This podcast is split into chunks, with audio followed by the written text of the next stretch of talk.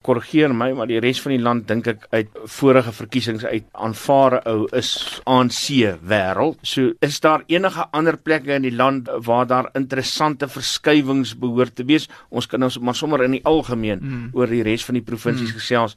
Een van die fascinerende dinge in ons verkiesings oor die laaste 10 jaar soos ek voorgesê het, is hierdie dislokasie van die stempatroon in die swart gemeenskap. So verskillende swart gemeenskappe begin verskillend te stem vir die eerste keer en ek dink dit is een van die kritiese dinge wat ek wil probeer verstaan na hierdie verkiesing. Byvoorbeeld, hoe lyk dit in die townships in Limpopo versus die townships in die Vrystaat versus townships in Gauteng? Ons weet byvoorbeeld in Limpopo het die ANC in 2011 86 gekry, 2014 84, 2016 74. So in 5 jaar het hulle minus 12 gekry. En in verskillende provinsies lyk dit verskillend. In Gauteng was dit minus 17 en Noordwes was dit minus 14 en in die Oos-Kaap en die Wes-Kaap was dit minus 7.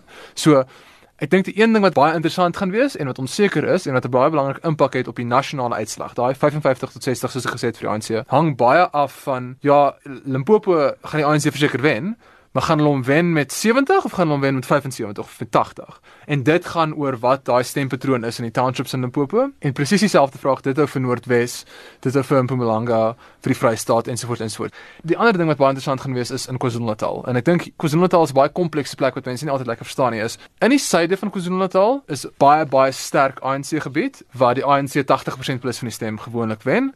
En ek dink in daai gebied gaan hulle nog steeds redelik goed doen. Ek vermoed 'n bietjie swakker met die EFF en die DA wat bietjie beter doen, maar kom ons kyk hoeveel en daar's baie kiesers daar. Dit is 2.9 miljoen kiesers. Dit is regtig baie kiesers. Is groot groot kies, groot groot kiesers en uh, as daar 'n paar persentasiepunte verskywing in in daai gebied van die land is, het dit 'n impak vir die nasionale uitslag.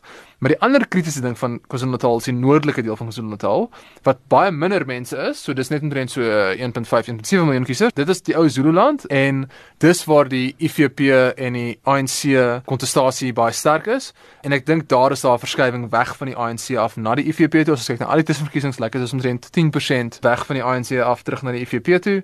Dit sou interessant wees om te sien of die tussenverkiesings 'n uh, akkurate voorspelling was van wat daar gaan gebeur. Ek dink dit gaan wees. Ek dink IFP gaan beter doen, die ANC gaan swakker doen in die noorde van KwaZulu-Natal en dit gaan 'n bietjie van 'n impak hê in KwaZulu-Natal. Ek dink nie dit gaan naaste by genoeg wees om die ANC naby aan 50 te kry nie, maar miskien gaan die ANC 'n bietjie swakker doen in in, in KwaZulu-Natal en dit het 'n nasionale impak. En dan ek dink soos jy gesê het, die Vryheidsfront Plus stem onder wit kiesers, ehm um, veral in die noorde van die land gaan vir my 'n baie interessante vraagstuk wees en en, en ek dink wat ons moet kyk in detail en dan ek dink die finale interessante observasie is die Patricia de Lille se party, die Good Party soos hulle sê is nie baie optimisties vir hulle nie. Hulle het nog nie regtig 'n boodskap of 'n visie of 'n 'n duidelike rede vir hulle bestaan anders as Patricia nie meer van die DA nie, ehm um, gekommunikeer nie en ek dink hulle moet dit so vinnig as moontlik doen as hulle 'n kans wil hê. Daar was een peiling wat gesê het dit is op 4%. Ek dink dit is baie optimisties. Ek dink dit gaan minder as dit wees. Die metodologie wat hulle gebruik het vir die 4% is in my opinie verkeerd.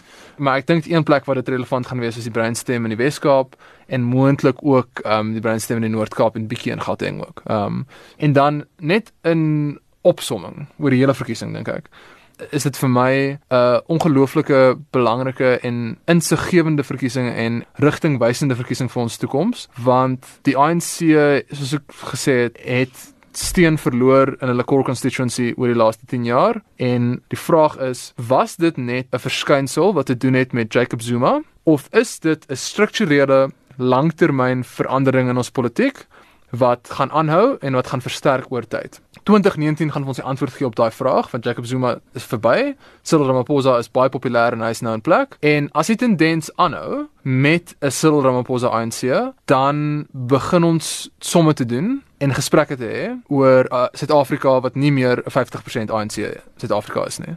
In my opinie dink ek is daar 'n groter kans dat dit die geval is dat hierdie 'n strukturele langtermyn tendens is in ons politiek van kiesers wat wegbeweeg van die ANC af stadig maar seker. En finale punt, die een kritiese ding is ook is hoe groot is die EFF groei potensiaal in 2019 hmm. en verder as dit. Dis die ander kritiese vraag vir die toekoms van ons politiek is As daar nou 'n post 50% ANC Suid-Afrika, kyk ons na 'n EFF toekoms of kyk ons na 'n DA plus die moderates in die ANC, weet mense soos Trevor Manuel en Pravin Gordhan en Cyril Ramaphosa en daai deel van die ANC plus mense soos ek weet nie Musi Maimane, David Manyer en James Self wat markgedrewe ekonomiese beleid maak of kyk ons na Jacob Zuma en Nkosazana Dlamini Zuma plus die EFF as ons toekoms.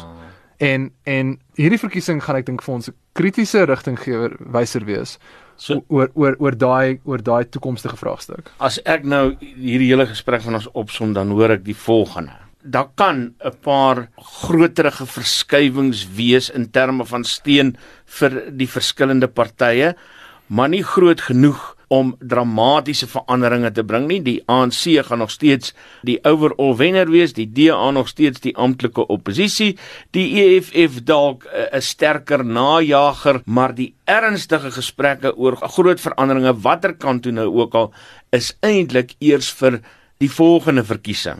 Presies, presies. En Jesus, ek dink die munisipale verkiesing in 2021 gaan 'n wild ride wees, want ek dink daar is ook 'n verskil tussen die denke oor munisipale verkiesings en nasionale verkiesings en as 'n openheid om DA en EFF te stem onder ANC kiesers in munisipale verkiesings wat ek dink hoor is in munisipale verkiesings as nasionale verkiesings. En as die tendens aanhou gaan hy vir die eerste keer dink ek ernstig byt in 2021